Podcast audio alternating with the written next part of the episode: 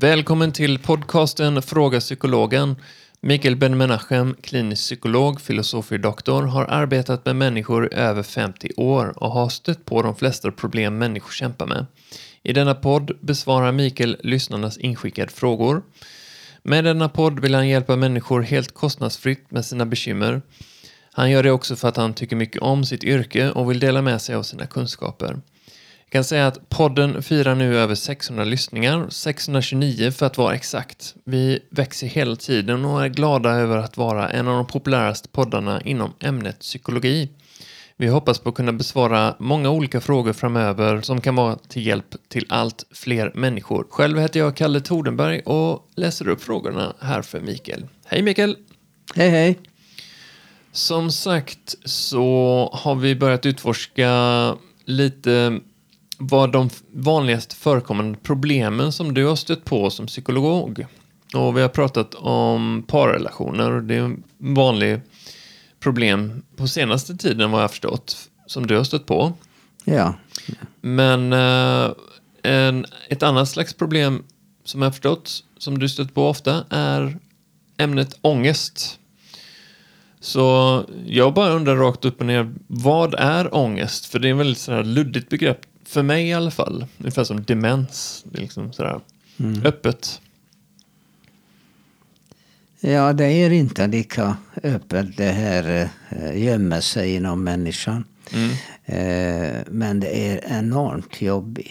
Eh, Det har ju många vegetativa symptom som svettningar, dalningar, eh, allt sånt här eh, som är syn, eh, synbara. Men eh, det som finns inom människan som inte syns är enormt jobbigt och det är många, många människor som kämpar just med ångest. Mm.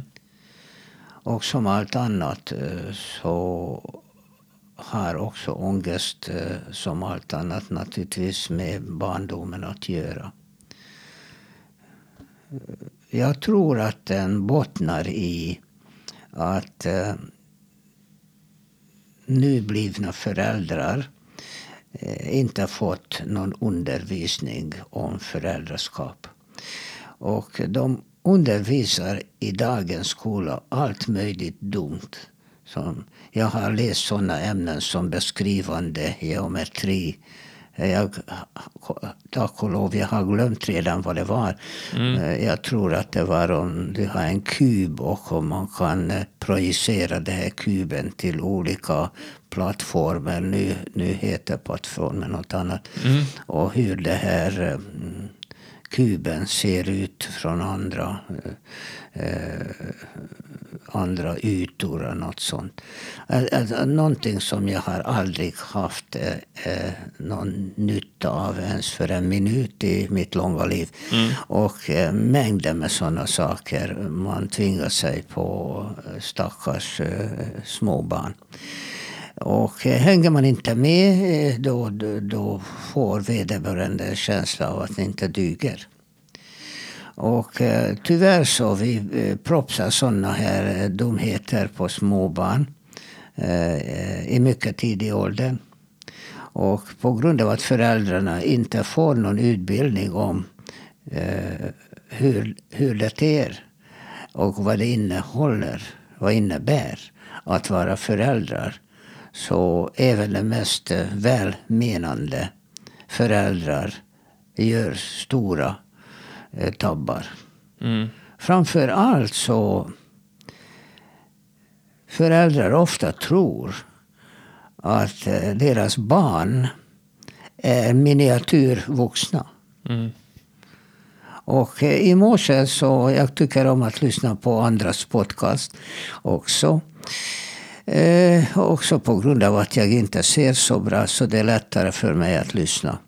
Och eh, det här handlade om en, eh, en tv-personlighet som eh, samtalade med barn. De här barnen var eh, mellan fem och tio år gamla. Och eh, det var otroligt roligt att lyssna på barnen. Hur barnen berättar om sitt liv. Eh, det här eh, journalisten frågade till exempel eh, vad vill ni vara? Helst. Mm. Om vi bara leker. Att ni kunde vara vad ni vill. Vill ni vara vuxna eller vill ni vara barn? Ja. Vad tror du de svarade? Barn vill ofta bli vuxna. Ja, jag längtar efter att bli stor. Men eh, jag vet inte vad de svarade. Ja, de svarade precis tvärtom faktiskt. Ja. Och de var väldigt roliga. Och, eh, och till och med så föreslog de när, eh, när journalisten frågade dem, ja men vad, vad är det du önskar att föräldrarna eller de vuxna skulle vara? Och då sa ett av barnen, Dani, Dani hette han, så, så svarade han, om man kunde liksom det här vuxna personen eh, pressa ihop sig så att han skulle bli mindre. och då frågade journalisten varför. varför? Och då sa mannen, du vet att eh, det är egentligen mycket roligare att vara barn. Mm. Mm.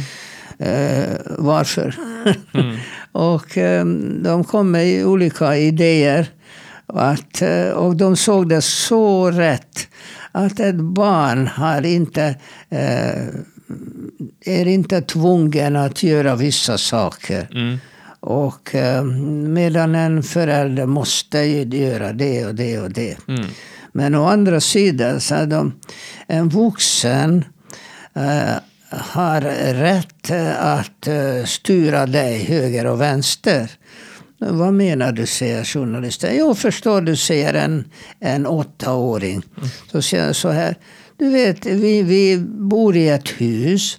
Och eh, jag kommer ner eh, från andra våningen, från mitt rum till köket. Och då säger mamma, Dani kan du springa upp och, och, och hämta en, eh, en eh, sån här duk till, en, eh, vad heter den, handduk, handduk till köket. Mm. Och Danny blev riktigt förbannad. Han säger, mamma väntar på tills jag har kommit ner. Och då kommenderar hon mig att gå upp och hämta det här handduken. Kunde hon inte ropa på mig och säga, Danny när du kommer ner, hämta en. Mm. Det är fullständigt logiskt, inte sant? Att vända eh, blicken till mera seriösa saker. Så föräldrarna försöker, de är tvungna. För att den här bebisen kan ju ingenting. Och eh, det enda som bebisen kan är att upptäcka att någonting är obekvämt. Ofta så är det hunger. Alltså vi har ju våra eh, grundläggande behov. Mm. Och eh, det finns redan i Bibeln. Och eh, Bibeln egentligen talar om hela den här problematiken. Och eh, skisserar upp eh, situationen. Att vi har ena sidan våra grundläggande behov. Och vilka är det? Ja, det är hunger, törst, eh, sömnbehov, även sexualitet. De, de är grundläggande behov hos en människa. Mm. Eh, Att eh, ena sidan så står våra grundläggande behov. Och den andra sidan, det som Freud kallar för överjaget. Eller superego. Och det som kommer från föräldrarna. Föräldrarna talar om för oss om allt. Barnet kan ju ingenting. Känner av att eh, hon är hungrig. Inte ens känner så mycket av det att hon måste gå på toa i början. Mm. Det, det tar ju rätt lång tid tills en, ett barn förstår det här att, eh, att, att han borde gå på toa. Mm. Det förstår de inte i början. Eh, Men så inte mycket annat. Så att föräldrarna får tala om för dem om allting. Och på grund av att barnet inte ens förstår först vad de säger så pratar de upp till det tomma intet. Men så småningom så börjar barnen förstå lite enkla saker. Och förstå ungefär att det här är ju mamma eller pappa och eh, börja förstå vad är det de vill. Och eh, problemet börjar med när det här att föräldrarna pratar om för barnen hela tiden vad de ska göra och hur de ska göra. Eh, att, att det blir fel balans mellan de här ursprungliga behoven på ena sidan mm. och eh, föräldrarnas önskningar på andra sidan. Mm. Och eh, om man tenderar att gå åt ena hållet för mycket, inte bra. Om man tenderar för att gå åt andra hållet för mycket, inte bra. Utan och det, det är vad eh, dynamisk psykologi sysslar med. Jag är ingen dynamisk eh, psykolog. Jag är inlärningspsykolog, men ändå. Eh, det här är viktigt. Och man letar efter en balans mellan det här ursprungliga, djuriska om du så vill, behoven och föräldrarnas önskningar om vad och hur du ska göra. Och eh, om föräldrarna, om skolan skulle veta lite mera om människan så skulle de förstå bättre att ett barn är ett barn och inte en miniatyrvuxen. Och eh, jag har varit med om att en förälder visat mig att eh, fått en anmärkning för, om sitt barn. Mm. Eh, vad hette han? Eh, Lukas. Mm. Och han eh, var åtta år då. Och fick en anmärkning att han springer för mycket. Springer för mycket? Okay. Han springer för mycket. Ja. Ja men snälla, en åttaåring ska springa mycket. Ja. Han är ju ett barn.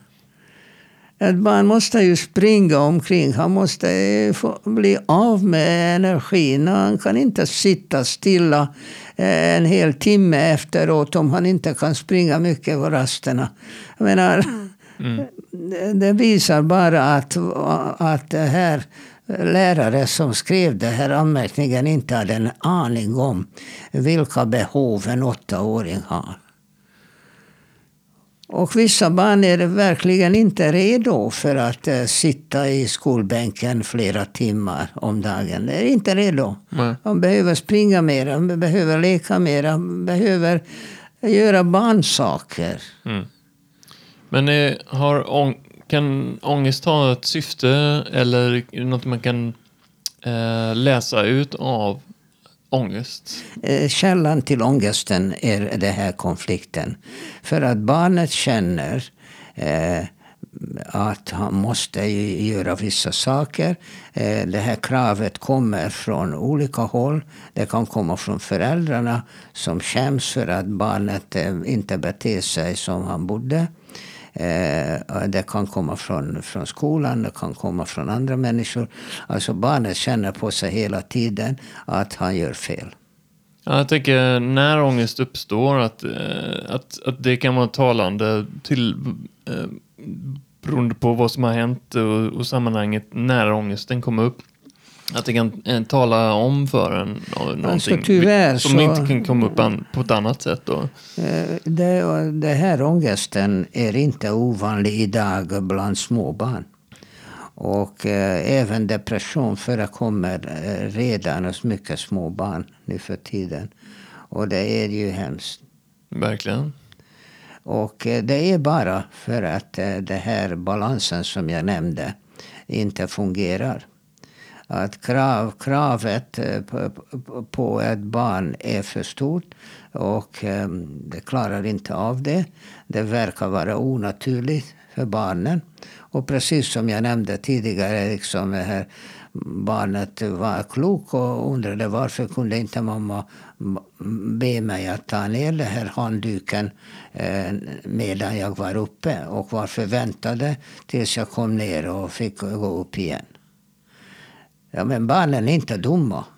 Eh, de är mycket, mycket känsliga och, och förstår mm. eh, vad som är rätt och vad som är fel. Det, är inte, eh, det förstår de rätt tidigt. Men just eh, det handlar om, ska jag säga, ett logiskt beteende.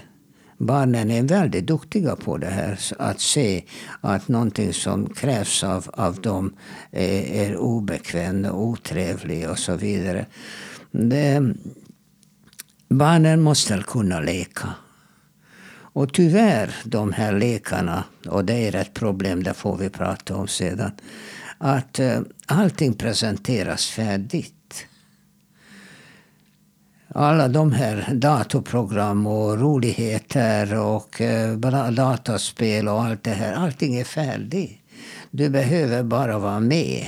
Det är redan fixat. Det är redan uh, konstruerat. Det är redan skapat. Mm. Du behöver inte delta i skapandeprocessen.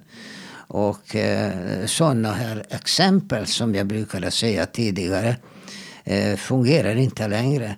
För att jag brukade nämna att eh, ett barn liksom leker att, eh, eh, att han kör bil.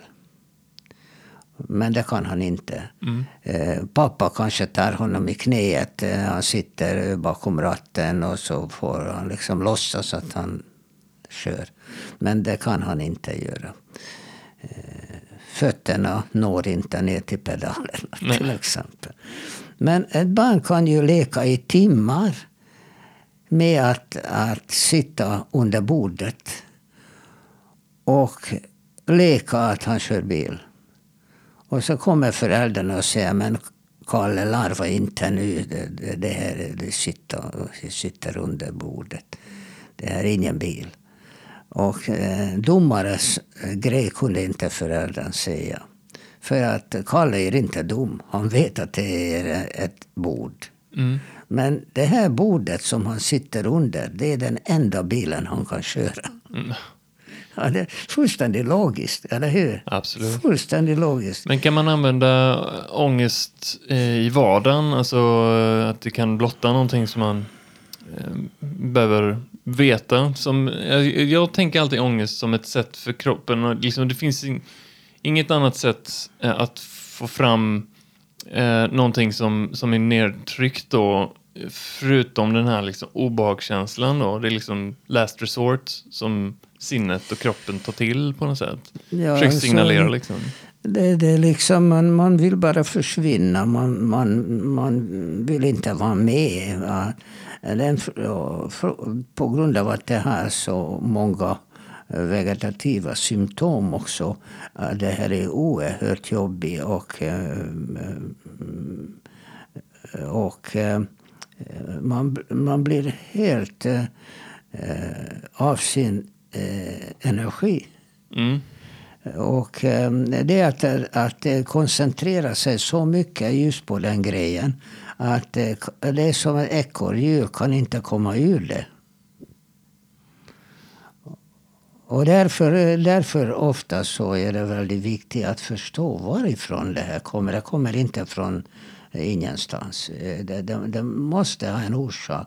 Varför har man hamnat i en sådan situation? Och eh, därför när jag sa till dig att det är du som vet mest om dig själv. Mm. Så eh, logiskt så skulle det vara du som kunde bota dig själv, eller mm. hur? Mm. Den psykologen som inte vet någonting om dig, varför skulle han vara bättre eh, på att, att lista ut vad som skulle göras än du som vet allt om dig själv, om ja. allt som har hänt med dig under alla åren. Jag menar, det, du borde kunna vara den bästa psykologen, ändå så är du inte det. Det är väldigt få som tänker så, eller de flesta är uppfostrade med att eh, någon expert kan säga det, det bästa på något sätt, eller att man kan eh, döva den jobbiga känslan med olika preparat eller alkohol eller vad det är. Det, det är fortfarande ändå modus operandi i vårt samhälle. Att eh, antingen skjuta bort det eller att någon, någon annan utifrån har svaret. Ja, tyvärr. Och uh, ofta är det så att... Uh, jag menar, ta det här med föräldrarna. Du, vill, du älskar dina föräldrar. Du vill inte anklaga dem för någonting. Och de har inte skadat dig medvetet. De har inte eh, gjort dig illa för att de ville att du, du ska må dåligt. Mm.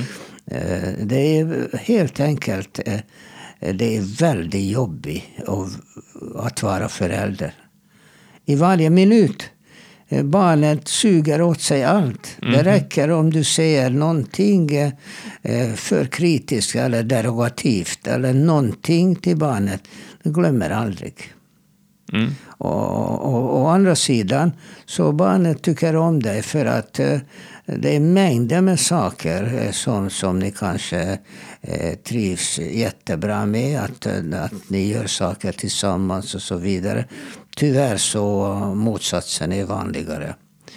Eh, vuxna ofta är för upptagna idag för att, eh, att gosa med, med sina barn. Mm. Som barn behöver för sin emotionella utveckling. Mm. Att känna, liksom, rent kroppsligt känna närheten och tryggheten. Mm. Och det ser du redan hos små bebisar.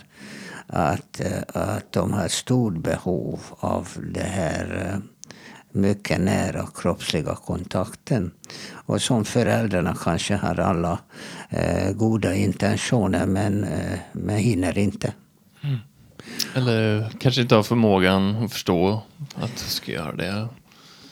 Eh, de kanske gör det ibland men eh, jag har lyssnat på en del skådespelarintervjuer. Och eh, då en skådespelare måste gå till teatern varje kväll klockan sex och att bli färdig med sminken. Föreställningen börjar klockan sju. Och de kan i större städer köra med långkörare kanske hundra gånger spela samma pjäs eller 200 eller 300. Mm. Agatha Christie hade en pjäs som gick i jag vet inte hur många år i London. Och det här skådespelaren måste vara där klockan sex på kvällen. Det är hans yrke. Mm. Och eh, barnet har just eh, kommit hem eh, och har ätit. Och när det är dags kanske att mysa lite och vara tillsammans och lyssna på eh, vad han har att berätta om vad som har hänt eh, under dagen eh, i skolan eller dagiset eller var. Och då pappa måste iväg. Han, han måste ju köra kanske lång väg att, att, eh, att vara vid teatern klockan sex. Mm. Och eh, de här skådespelarna som jag har lyssnat en hel del intervjuer på. Eh, de hade stora skuldkänslor och många gånger ångest också. Att de, att de beklagade sig mm. att de inte kunde ägna tillräckligt mycket tid åt sina barn. Och nu är det för sent. Nu mm. är de äldre, de spelar inte varje kväll. Nu kunde de vara tillsammans med sina barn. Men de har vuxit ut under tiden. Mm. Och har ångest. Ja, den tiden mellan 0 och 4 är väldigt speciell. Ja, och eh, jag har ett exempel på, jag hade en tandläkare och han hade en ung fru som eh, har börjat läsa medicin. Och, eh, och så fick de tre barn. Och plötsligt så berättar hon att eh, hon läser inte. Va, vad gör du? frågar jag henne. Mm. Nej, jag gör en paus för några år. Sen, och jag, varför? Varför? Jag kunde inte begripa det. När någon kommer in till medicin Eh, som är en så fin eh, utbildning och det är inte många som kommer in där. Eh, då sa hon så här. Mikael, läkare kan jag bli när som helst. småbarnsmamma kan jag vara nu. Mm. Det var fint va? Ja, det är bara de åren. Sen är de borta. Liksom. Ja, och nu är barnen större och hon har blivit läkare och mm. arbetar. Jag träffar henne ibland. Jag menar, hon, det är inte många som, som vågar eh, eller kan eh, bete sig på det sättet. Nej, vi sätter ju så himla hög eh, värde, värde på karriär, att det ska skapa ens egen värde uh, i vårt samhälle. Så att det oftast skyfflas föräldrarollen eller att vara hemma och vara föräldrar anses lågt. Fast det är låg status. Låg, låg status, framförallt för kvinnor. Men uh, det finns ju inget ädlare än en liksom, mamma som är engagerad och ska, liksom, med sina barn och skapa ett hem. Alltså det kan skapa en trygghet mm. hos barnen. Även om föräldrar gör fel och säger dumma saker. Det gör vi alla. Eh, vi vet inte vad är det rätta eh, att säga i varje situation. är nästan omöjligt. Det skulle varit bättre med ha lite utbildning i föräldraskap. Men även så det är jobbigt att, att alltid veta precis vad man ska säga. Och man ska till och med vara konsekvent. Det är ju viktigt. Det är lite högre krav, ja. Ja, men ändå eh, tycker jag att barn... Jag har talat med många tusen människor under min karriär. Och eh, de minns dessa saker. De minns så väl när man börjar samtala med dem om barndomen. Och jag, jag brukar inte gräva efter eh, dåliga saker, tvärtom. Jag brukar alltid fråga dem om bra saker som de kan minnas. Ändå så finns det i, i deras minnesmagasin hela tiden om hur det var när de var två, tre, fyra år gamla. Absolut. Mm. Eh, det, det här är ju präglande och de föräldrar som förstår hur viktigt det här är. För att det här är inte längden av tid som kan eh, en förälder vara tillsammans med sitt barn. Utan det är kvaliteten. En del föräldrar som har kanske bara en timme eller en halvtimme att vara ihop med sitt barn kan göra mycket större och finare och bättre mm. jobb än en som har fem timmar. Alldeles beroende av vad vederbörande använder den här tiden för. Mm. Det är men, jätteviktigt. Men eh, om du träffar någon som har konstaterat svårt med ångest. Sådär. Vad, vad, gör, vad, vad är utgångspunkten där? Hur utforskar man det hos en person? Det lite beror på vad det är för typ av psykolog man är. Mm. Eh, och jag lutar mera åt det dynamiska hållet, alltså det freudianska eh, terapin. Att eh, förstå varifrån det här kommer. Det, det, det, kommer alltid från barndomen. Men på vilket sätt man kan tackla det här och förstå lite bättre och hur det här utvecklades. Och eh, jag brukar till och med börja eh, en sån här genomgång. Eh, inte ens med föräldrarna utan far och morföräldrar.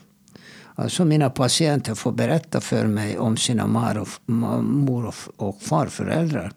För att då, då förstår vi plötsligt, de kanske, en, en, eh, en människa kan hata sin far för ett visst beteende. Men när vi pratar lite om hans föräldrar så plötsligt förstår han som aldrig tänkt på varför pappa har blivit sådan som han blev. Mm. Så eh, jag tycker att det är väldigt viktigt att, att man förstår hur vissa beteenden, i princip alla beteenden, eh, skapades. Mm. Okay, men ni gräver ja, ja, Jag gräver, men jag gräver inte efter eh, problem. Mm. Utan tvärtom. Jag menar om du går på gatan och plötsligt ser du en krock. Två bilar kör i varandra och ambulansen kommer och du ser att eh, polisen är där och eh, till och med eh, eh brandkåren och de försöker få ut eh, tydligen skadade människor från bilen. Eh, om du berättar om den här händelsen, ja det här är kusligt där människor skadas och, och, och material och allting. Det är en hemsk händelse. Mm. Men det finns annat också i den här situationen som du då inte lägger märke till. Eh, kanske vädret, om det är fint väder. Eh, om du minuterna innan njöt av solsken. Och du är kanske tillsammans eh, med din käraste och det är så skönt att vara tillsammans. Mängder med saker som är med i den här bilden. Mm. Men du är helt fokuserad på krocken. Och människorna som är delar av det här. Mm. Men i själva verket när jag frågar ut människor att berätta om vissa saker så jag letar efter helheten och gräver inte efter problem. Mm. För att det, det, problem bara leder till problem. Men när vi ser större helhet, när man ser många positiva saker också med, så blir vår koncentration på det negativa urvattnat. Kan, kan det börja... Att, kan man åskåd, eller åskådliggöra då det som eh, är roten till ångesten då menar du? Och, och låt sen att det blir bättre Rot, efter roten, roten är eh, nästan allting ifrån att eh, du befinner dig i en situation som du inte klarar av. Och varför du inte klarar av det kommer från barndomen.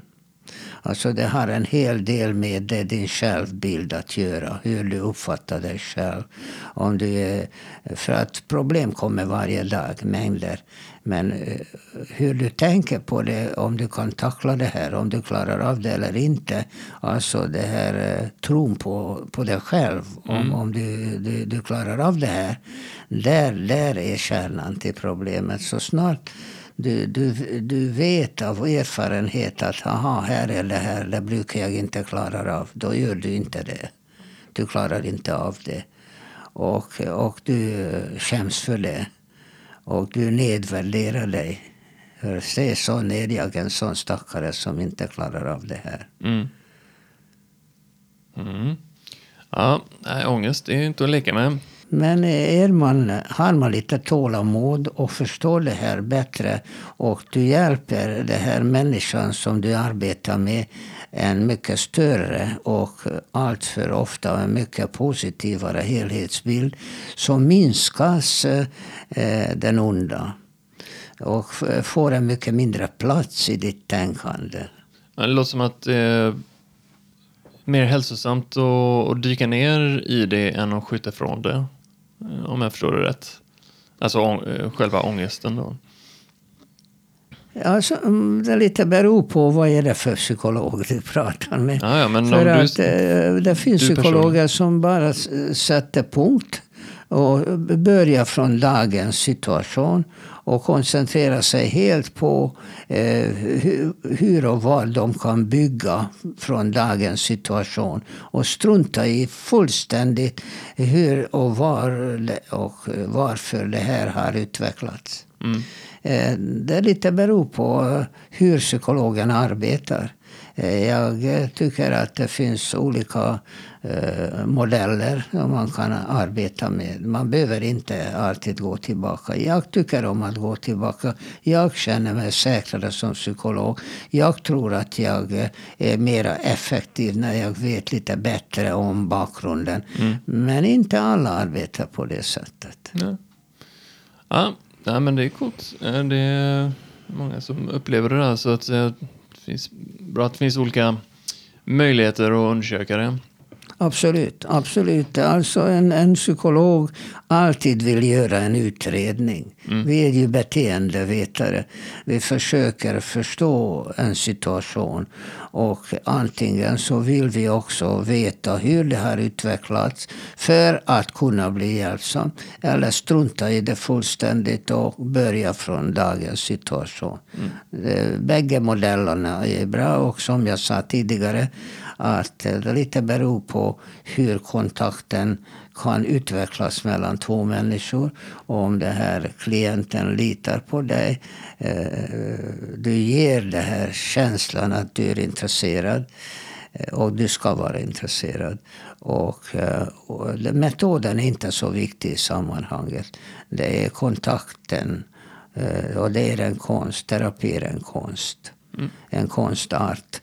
Det är inte enbart vetenskap. Nej. Vetenskap ofta är bara verktyg. Eh, ofta hör jag ordet samtalsterapi. Det avskyr jag som pyton. Mm. För att eh, samtal är bara ett verktyg, inget annat. Mm. Terapi är något helt annat. Intressant. Ja, nej, men det får vara bra för det här avsnittet. Okej? Vi kan eh, ta upp ämnet i fortsättningen eller framöver säkert. Ja. Vill du följa Mikael på eh, sociala medier och få de senaste uppdateringarna om avsnitten och podden så är det bara att följa på Facebook och Instagram via Fråga Psykologen och skicka dina frågor till Mikael via mail fragapsykologen gmail.com. Då tackar vi för idag. Tack för idag.